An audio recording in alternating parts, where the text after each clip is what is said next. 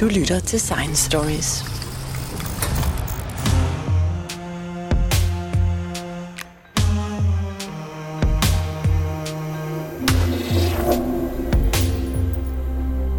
Det vi skal tale om i dag er Danmarks største satsning inden for forskning.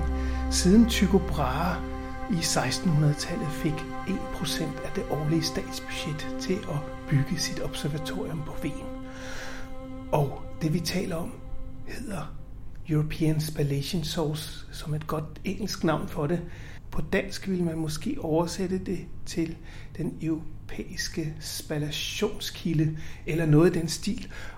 Dem, jeg har til at fortælle historien, det er professor Kim Lefmann fra Niels Bohr Instituttet og Christine Marie Løfgren Krihov, også fra Niels Bohr Instituttet. Og uh, Kim Lefmann, det er en historie, der har været i gang i over 20 år, og, øh, og det er, de har bygget på den i mere end 10 år over i Lund. Kan du fortælle, hvad er ESS? ESS er en fælles europæisk øh, forskningssatsning, som, som handler om, at man skal udforske en række nye materialer, hårde materialer, bløde materialer, biologiske materialer, øh, forske på dem, øh, finde ud af, hvad de gør på, på mikroskopisk, atomar niveau, og derved øh, forbedre materialer, forbedre de materialer, vi har øh, i samfundet, og som vi bruger hver eneste dag. Og den måde, vi kommer til at gøre det på, er, at vi har en stor accelerator, som accelererer nogle partikler op, nogle protoner, og de protoner bliver så banket ind i noget tungt materiale, der hedder Wolfram. Wolfram udspytter neutroner, og det er så de neutroner, vi bruger til at skyde ind i materialet. Og det gør vi, fordi neutroner er en meget følsom probe, så vi kan, vi kan måle, hvad der sker inde i materialet på, på atomart niveau. Så det, I har med at gøre her, det er en slags mikroskop, eller hvad vil du, hvad vil du kalde det? Eller er det en slags uh, røntgenøjne? Det er begge dele. Øhm, vi kan bruge neutronerne som mikroskop. Det kan man jo også, øh, øh, det kan man også med røntgen. Det er det også rigtig godt til. Og så kan vi bruge det til det, som øh, hvor mange folk kender røntgendiffraktion, som kan bruges til at fortælle om, om materialers opførsel på atomar skala. Øh, neutroner kan det samme og lidt mere. Øh, så kombinationen af, af, af røntgen og neutroner er utrolig stærk. Og det er jo også sådan, at, at der står en helt ny røntgenmaskine, en stor synkrotron, kalder man øh, et apparat, der producerer rigtig kraftig røntgenstråling, og den står lige ved siden af ISS. Den hedder Max 4. Men igen, hvorfor kan man ikke bare bruge øh, røntgenstrålerne? Altså, hvad, hvad er det helt præcis, de her neutroner kan, som røntgen ikke kan? Fordi vi, altså, vi snakker jo om et kæmpe stort projekt med flere tusind forskere involveret. Jeg tror, du, du rammer ind i den allerførste slide, jeg giver på mit, øh, på, på mit kursus inden for teknikken, som jeg giver på universitetet. Der plejer jeg at sige, at der er fem grunde til det. Øhm, den ene grund er, at neutroner har en meget lav energi. Den lave energi, den passer rigtig godt med energien af vibrationer i materialet. Vi kan se materialets vibrationer øh, på de energier, som, er, som er, er relevant inde i materialet. Vi kan se magnetisme i materialet. Neutroner er utrolig følsomme over for magnetisme. Så alle materialer, der er magnetiske, vi taler kvantematerialer, superledere og sådan noget i den stil, kan vi se. Øhm, vi, kan, vi kan bruge, at neutroner øhm, gennemtrænger stof rigtig meget. Så for eksempel kan man kigge ind i en flyvinge og se, om den er svejset ordentligt fast. Og det har, det har røntgen svært ved, fordi metal stopper røntgenstråling, men, men, men ikke neutroner. Men man øh, propper næppe en flyvinge ind i det her instrument. Altså jeg forestiller mig lidt, det vil måske være lidt vanskeligt at gøre. Altså det er noget mindre ting, man, man arbejder med, er det ikke? Jo, men du tager en, en, reel, en reel svejsning fra en flyvinge og propper ind. Der er, øh, øh, der er et, et instrument, en særlig måleopstilling til, til at have rigtig store ting inde, også i, øh, øh, T-profil stål øh, svejsning, det er altså som man, som man, som man bruger til, til, til forstærkning inde i beton. Og du kan endda have beton rundt om samtidig med. Det, altså, du, det, er, det er rimelig store ting, vi kan have inde i systemet. Ikke, ikke mange meter, men, men vi kan godt skyde gennem 10 cm øh, stål for eksempel. Men øh, Christine Krihov, du er så en af de mange tusind forskere, som arbejder med det her instrument, og du laver Ph.D. Øh, på det. Hvad går dit Ph.D. ud på? Ja, så min Ph.D. den er hovedsageligt todelt. Der er lige nu ved at blive bygget 15 instrumenter på ISS. Og jeg er tilknyttet et af dem, specifikt det, der hedder Bifrost. Og det, jeg gør der, det er, at jeg arbejder med, hvad kan vi øh, lære om instrumentet nu, hvor det stadig er ved at blive bygget. Så jeg laver en masse øh, computersimuleringer for at prøve at forudse, jamen, hvordan kommer det her instrument til at virke i virkeligheden? Hvordan kan vi udnytte det, og vi kan lave rigtige fysiske målinger med det, sådan så vi faktisk er klar den dag neutronerne er klar på ISS. Øh, og den anden del af mit phd projekt det er så, hvad vi vil bruge selve instrumentet til, og det er så at undersøge superledere specifikt. Der er rigtig mange superledere, hvor vi stadig ikke ved øh, helt præcis, hvad det er, der gør dem superledende. Så øh, forhåbentlig så øh, med de masse nye instrumenter, vi får på ISS, giver os muligheden for at kunne se bredere og mere detaljeret, hvordan forskellige fysiske mekanismer, såsom magnetisme og gittervibrationer, går sammen. Og forhåbentlig kan vi lære noget nyt om, hvordan superledning virker. Så det er også det andet, jeg arbejder med. Simpelthen ved at se, hvordan atomerne vibrerer, eller hvordan de opfører sig i noget materiale. Ja, og så samtidig med, hvordan at der også er magnetiske øh, fluktuationer oveni. Så det er, øh, det er øh, særligt de øh, materialer, jeg arbejder med, det er en kombination af kover, øh, koveroxider, hvor man også propper andre forskellige øh, materialer ind i. Og de her materialer, de blev opdaget tilbage i 80'erne, så de er markant ældre end jeg er men vi forstår dem stadig ikke. Vi har stadig ikke sådan den fulde forståelse af, hvad der foregår, og vi bliver nødt til at udvide med nogle nye teknikker for faktisk at prøve at få den fulde fysiske forståelse øh, af de her materialer, for at kunne lære den fysik, der er nødvendig. Så det er simpelthen uh, nødvendigt for at tage de næste skridt ud i at lave helt usædvanlige ting, som man kan opfinde.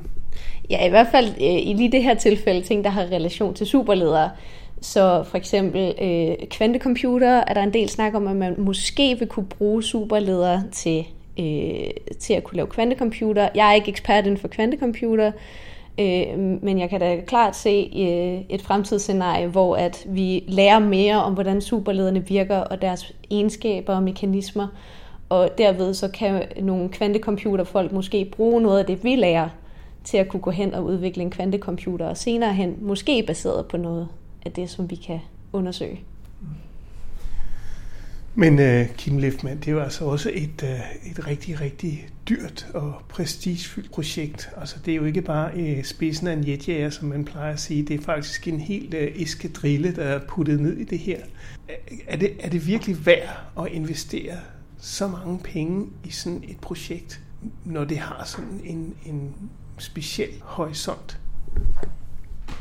Jeg synes ikke, det har en lille horisont, og jeg synes bestemt, det er værd at investere i.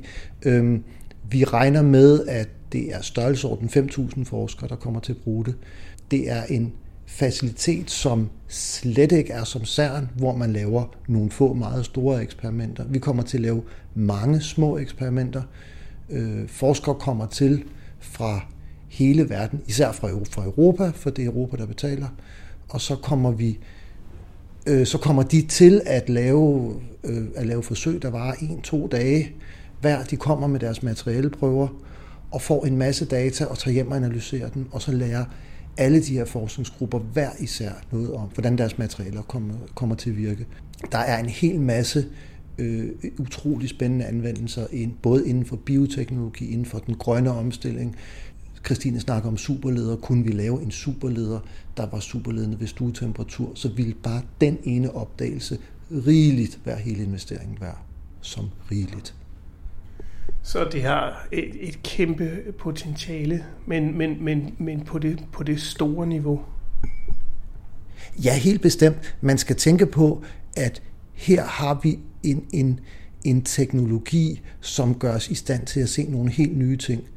Og der vil være der vil starte med at blive lavet en masse forskning. Noget af det er grundforskning, noget er mere anvendt forskning, og hvis der bare er nogle få af de idéer, som faktisk bliver til noget i praksis, så vil, vil det rigeligt kunne betale sig. Jeg tror bare opdagelsen af et nyt lægemiddel fra Novo Nordisk vil betale hele faciliteten og mere til. Okay, det kan du sagtens spille mig ind. Jeg tænkte jeg tænk på, øhm, på, hvordan får man sit projekt undersøgt i ESS-maskineriet?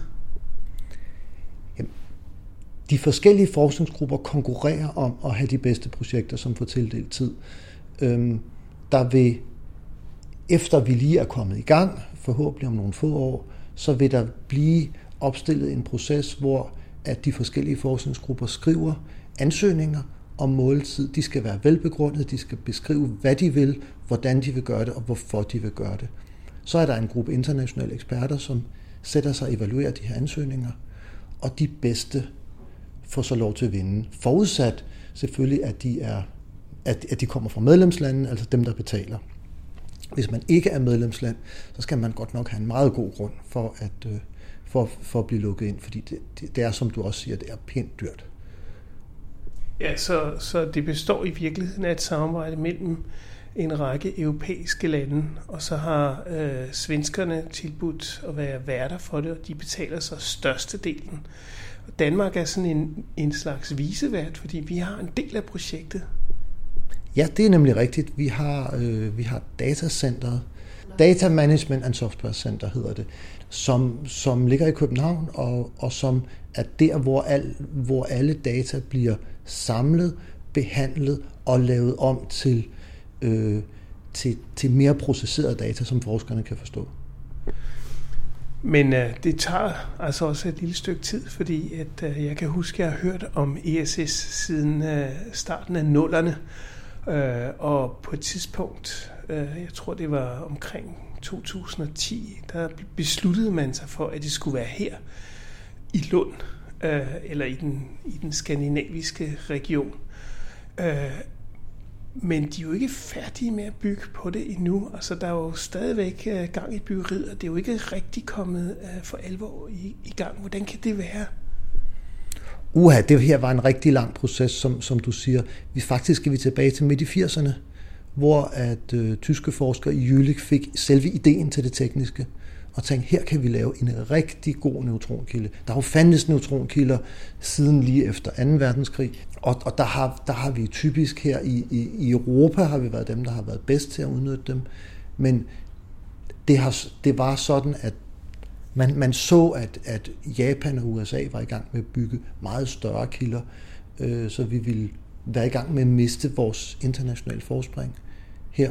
Og så øh, baseret på den politiske eller strategiske situation med de tekniske fremskridt, der var blevet gjort i Jülich, der øh, gik man så i 90'erne sammen en masse europæiske forskningsfaciliteter om at sige, nu, nu laver vi det her projekt. Og så blev det lagt frem, og i 2002 eller 3, et af de to år, der var et møde i, i Bonn, hvor man det ligesom skulle være kick-off. Der skulle vi gå i gang. Men i stedet for fandt man ud af, at man ikke havde, havde penge nok. Og så blev projektet lagt på is lidt igen. Og så, som du siger, i 2009 blev det taget op efter, efter initiativ fra EU, fra den gruppe i EU, der hedder ESFRI, hvor, hvor de så lagde på bordet, at nu skulle vi altså til at, øh, til at gøre noget, og det blev besluttet efter noget togtrækkeri, at det kom til at ligge i Lund. Men så skulle man først til at finde pengene. Det tog fem år. Så skriver vi 2014 så skulle der til at lave et design update og lave byggeplaner. Og det tog overraskende lang tid. Så kom corona, det gjorde det ikke bedre.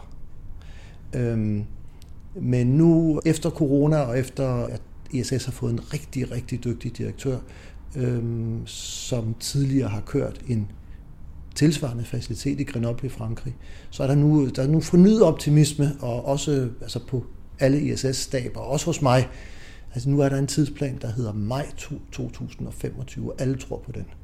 Og det går virkelig, øh, hvis man kigger, tager over og kigger på den. Det, det er fantastisk, så hurtigt det går frem nu. Det lyder rigtig spændende, men Christine, hvordan harmonerer det med dit projekt? Fordi du er jo i gang med et phd projekt Hvordan kan du arbejde med det, når, når maskinen, der skal bruges, den står og, og færdig om to år? Jamen, det kan jeg. Så som en del af min arbejdsuge, så kan jeg rigtig godt lide at tage til Lund en gang om ugen, hvor jeg sidder sammen med forskerne og de instrumentansvarlige, der er derovre. Og selvom jeg ikke direkte kan måle på noget nu, så kan jeg være med til at følge udviklingen i, hvad der foregår. Og jeg kan sørge for, at de simuleringer, øh, som jeg arbejder med, kommer til at være i synergi med også den udvikling, der sker om, hvordan vi tænker om, vi skal bruge instrumentet. Og så er det selvfølgelig super motiverende, at man sidder der, og der er en, lige nu er der særligt øh, rigtig god fremskridt med at installere selve acceleratoren, som skal sende protonerne hen til det stykke tunge metal, der skal lave neutronerne. Så det er super spændende, og der sker super mange ting. Så på den måde, så udover det selvfølgelig en kæmpe stor motivationsfaktor, jamen så også bare at kunne have fingeren på pulsen og være en del af det forskermiljø, der foregår der, er en kæmpe fordel for projektet, for det gør, at jeg får en bedre forståelse, og jeg kan lave ting, der er mere relevante i forhold til det, der kommer til at ske. Så du er simpelthen i forreste række, når de starter med, med selve øh, projektet. Men øh, er du så garanteret for, at du får dit projekt lagt på i, øh, i spadationsapparatet, eller eller hvordan, hvordan fungerer det? Er, er du allerede i gang? Øh, ja, vi er begyndt at tænke over selvfølgelig, hvad er det for noget videnskab, vi godt kunne tænke os at lave, når det er, at øh, vi faktisk kan måle neutroner. Selvfølgelig kommer der til at være en, en lang indkørselsperiode, hvor vi lige skal finde ud af, om hele instrumentet, som jeg arbejder på, faktisk virker. Så ja, udover at vi overvejer selvfølgelig, hvilket superleder, øh, som jeg har lyst til at måle på, går og tænker meget over, hvad der kunne være relevant der. Det kommer også til at blive lidt, hvor meget jeg har tid til, fordi som det ser ud, øh, mit phd projekt det slutter i maj 26. Så derfor er det også lige, hvor øh, det er endnu uvist i forhold til præcis, hvornår det, neutronerne de kommer op og kører, versus hvor lang tid vi skal bruge på at få lært instrumentet at kende. Så forhåbentlig så er det inden for tidsperioden af, at jeg er der, at jeg kan få lov at lave en måling på øh, selve instrumentet. Øh, men det vil tiden vise nærmere, fordi der er stadig meget arbejde tilbage. Så jeg, øh, jeg er optimistisk, men også forberedt på, hvis det ikke skulle blive tilfældet. Fordi jeg ligger lige på grænsen til, hvornår jeg bliver færdig med mit projekt. Men man kan også sige, at øh, du ligger også øh, rigtig fint i svinget i forhold til, hvornår ESS bliver klar, og, øh, og det er jo øh, fantastisk god planlægning i forhold til, at der vil være ganske få, som overhovedet kan bruge instrumentet på det tidspunkt, så der bliver simpelthen brug for sådan nogen som dig. Ja, øh, helt bestemt, og jeg er også fuldstændig klar. Den dag, der ryger neutroner ud til vores instrument, så øh, kan man stole på, at jeg kommer til at sidde der og holde øje med, hvordan det er, og skal være med til at sørge for, at alting virker på instrumentet og det hele. Det er der absolut ingen tvivl om, og jeg glæder mig utrolig meget til den dag. Men jeg tænker også på, Kim Lefman, med sådan et kæmpestort instrument i Sverige, så må der jo være øh, rigtig mange, der skal ansættes, og der skal gang i en masse aktiviteter. Er det sådan, så at der er en masse bevillinger på vej til jer, og I er ved at udbygge og, og få rigtig mange forskere, der skal i gang, eller, eller er det noget, man venter og ser lige, hvordan det går?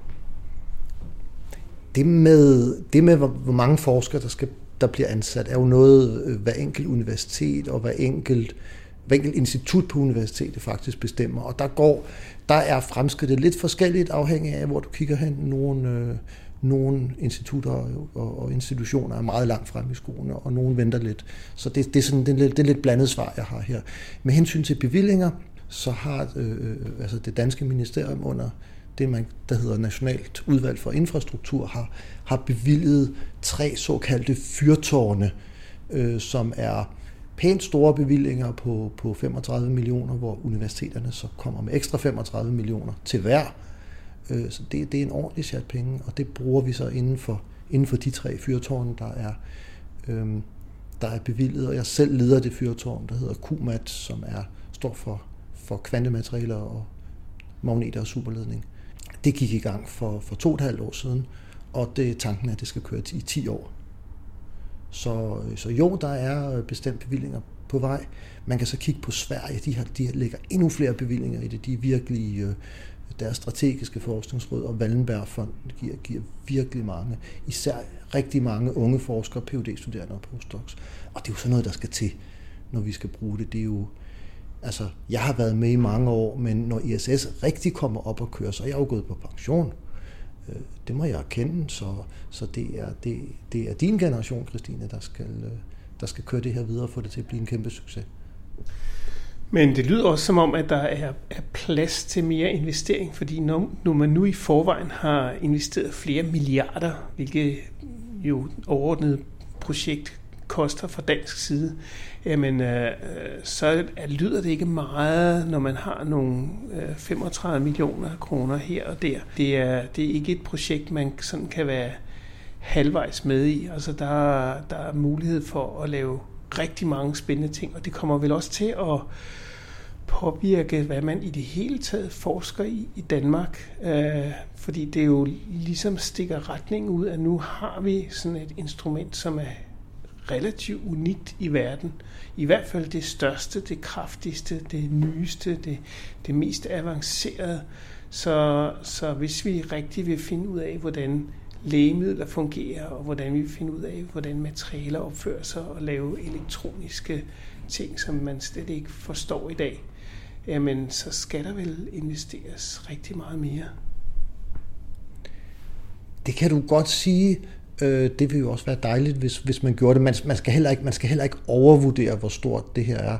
Jeg, man skal sammenligne med CERN, som mange kender. CERN er omkring 10 gange større, 10 gange, øh, 10 gange større budget sammenligner med rumfartsprojekterne, de er også større end, end, end ISS. Så jo, ISS er stort. ISS melder sig ind i klassen af de største forskningsfaciliteter, men det stikker ikke helt af i forhold til, hvad andre ting koster. Det, der gør det forskelligt i vores optik, det er jo, at det ligger her lige, lige på den anden side af, af Øresundsbroen. Og det, der ligger Danmark jo med en, med en fantastisk mulighed.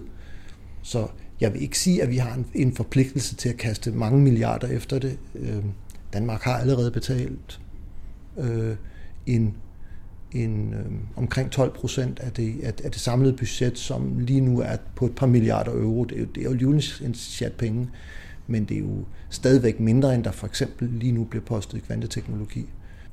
Man kan, man kan vel også sige, at det, at det ligger i, i omegnen af kvanteteknologi, fordi I, I arbejder med nogle af de materialer, som måske kan være grundlaget for overhovedet at lave en kvantecomputer? Jo, det gør vi også, og der kommer, der kommer til at blive gjort nogle materiale, øh, materialvidenskabelige fremskridt, som vil være relevant inden for at lave materialer, der kan bruges i kvantecomputer. Men her skal man huske, at ISS beskæftiger sig med materialer inden for rigtig mange forskellige felter. Også med, øh, også med katalysatorer, ting, der kan lave power to x, de kommer til at beskæftige sig med øh, vindmøllevinger og kommer op og bioteknologi og nye polymermaterialer til, øh, til sundhedssektoren og, og, og, nye, og nye måder at, at, at processere fødevarer på. Men vi, vi snakker virkelig om den helt store palet her. Øhm, og så kan man godt sige, hvis man, hvis man faktisk kan bidrage til så mange forskellige forskningsfelter, så er et par milliarder euro måske ikke så mange penge alt i alt. Mm. Nej, når jeg ser på, hvad amerikanerne for eksempel øh, laver af, af projekter, så kunne jeg, kunne jeg se en liste over kunder hos det amerikanske spallationsprojekt. Det var for eksempel M&M, dem der laver de der små chokoladeknapper. Jeg tænkte på, hvad, Christine, hvad, hvad er de mest vilde projekter, du har hørt om? Jo, øh, selvfølgelig er der inden for, hvad man har været i stand til at kunne finde ud af med superledere, fordi det er jeg jo, har jeg jo lidt et, et, et bias omkring at synes det. Men jeg kan også huske her for nyligt, øh, inden for det sidste år, har jeg startet to projekter, som jeg synes var rigtig øh, både seje og sjove. Et, det handlede om, hvordan øh, det havde relation til øh, coronavaccine som var blevet øh, undersøgt, hvordan man kunne optimere en del komponent af nogle coronavacciner. Øh, og så et andet projekt, som jeg havde en personlig kærlighed til, da jeg elsker øh, pasta, det var, at der var nogen, der havde undersøgt ved hjælp af neutroner strukturelle forskelle i øh, normal pasta og så glutenfri pasta.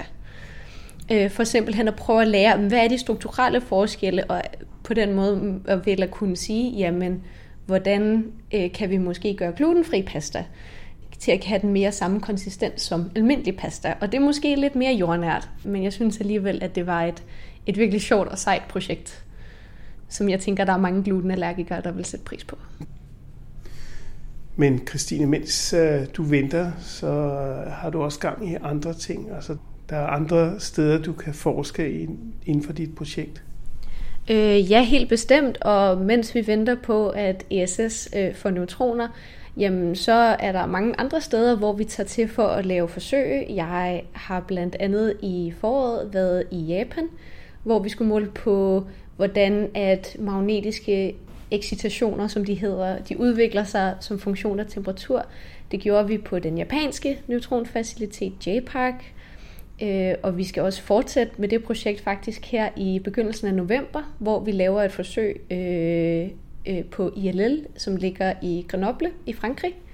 Så bestemt, der er masser at se til, indtil neutronerne er på ISS, jamen så tager vi andre steder hen for at gøre, hvad vi kan.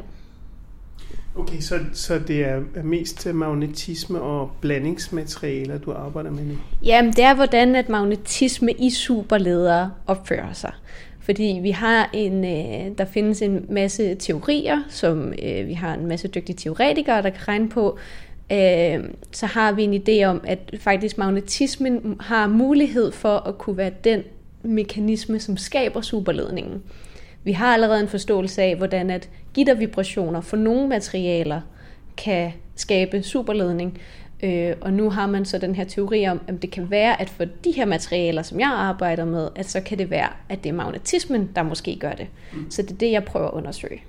Og nu du siger gitter, så er det så atomgitterne? Ja, atom, ja, det er atomgitterne, og hvordan øh, de står og øh, fluktuerer, ja, øh, vibrerer ved lave temperaturer.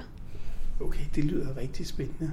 Kim Lefman, altså det lyder som om, at verden ikke vil ligne sig selv, efter vi har fået det nye ESS. Hvor lang tid går der, før end at, at man vil se øh, produkter, der kommer ud af det, eller fremstillingsmetoder, øh, eller, eller nye ting, som ikke vi kunne have lavet sig gøre uden? Er det noget, der tager 10 år, 5 år, eller er det noget, der tager måske meget længere tid, altså noget, der har en større tidshorisont? Der, der vil være ting, som, som er på alle mulige tidshorisonter. Øhm, det, er, det er meget sjældent, at, at der kommer ting fra, fra grundforskning af den her type og ud i anvendelserne hurtigere end 10 år. Noget, noget af det hurtigste, det var øhm, det, man, det, man kalder giant magnetoresistance, en, en, en magnetisk sensorteknologi, som blev udviklet på basis af noget, af noget nanoteknologi, også med hjælp fra neutroner, men, øh, men også fra en, anden, fra en masse andre forskningsgrupper. Og det kom på markedet som læse-skrivehoveder til harddiske inden for en 8-9 år. Men det, det er simpelthen det hurtigste, jeg har hørt om. Og det kommer også an på, hvor, hvor oplagt det er. Står vi pludselig og laver en en, en, en stuetemperatur superleder, så kan, det, så kan det forandre verden. Øhm, står vi og skulle lave en, en optimering til M&M chokoladeknapper, så kan det godt være, at det giver et bedre produkt for M&M's. Det tror jeg ikke rykker ved, ved verden, som vi kender den. Så der er, der er fremskridt på alle mulige vigtighedsskalaer og på alle mulige tidsskalaer her. Fordi det netop ESS er en, en forskningsfacilitet, så en stor forskningsfacilitet til, til små projekter. Jeg tænkte også på, uh, kunne man forestille sig, at der ville være en masse små virksomheder, som ville poppe op, som i virkeligheden skulle leve af og levere input og viden til, hvordan man bruger ESS. Altså så man lige pludselig får en masse tilhørende produktion af alt muligt mellem himmel og jord. Det, de er allerede ved at poppe op. Øhm, der er øh, de første virksomheder, som er i gang med at dukke op i, og de øh, dukker op i Sverige lige i øjeblikket, er små virksomheder, der starter som øh, små konsulenthuse, måske kun en enkelt person, som vil hjælpe andre virksomheder med at forstå de her øh, undersøgelser, fordi de er ret specialiserede, øhm, og det kræver en ret høj grad af viden for at forstå, hvad det er, målingerne egentlig betyder.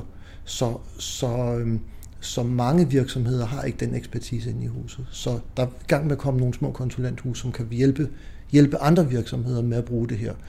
Øhm, men brugerne vil, vil øh, altså de industrielle brugere af det her vil være virksomheder på meget forskellige skala. Øh, og nogle af dem vil måske være af størrelse med Novo Nordisk og kan sagtens have inde i huset den ekspertise, der skal til. Og andre vil være meget mindre virksomheder, som har brug for, at, at nogen hjælper dem med at forstå, hvad det er, hvad det er de kan bruge det til. Så det vil i virkeligheden øh, påvirke hele samfundet på, på en masse forskellige niveauer. Men det lyder rigtig spændende. Det glæder vi os øh, rigtig meget til. Øh, tak skal I have, Kim Liftmann og Christine Krihov.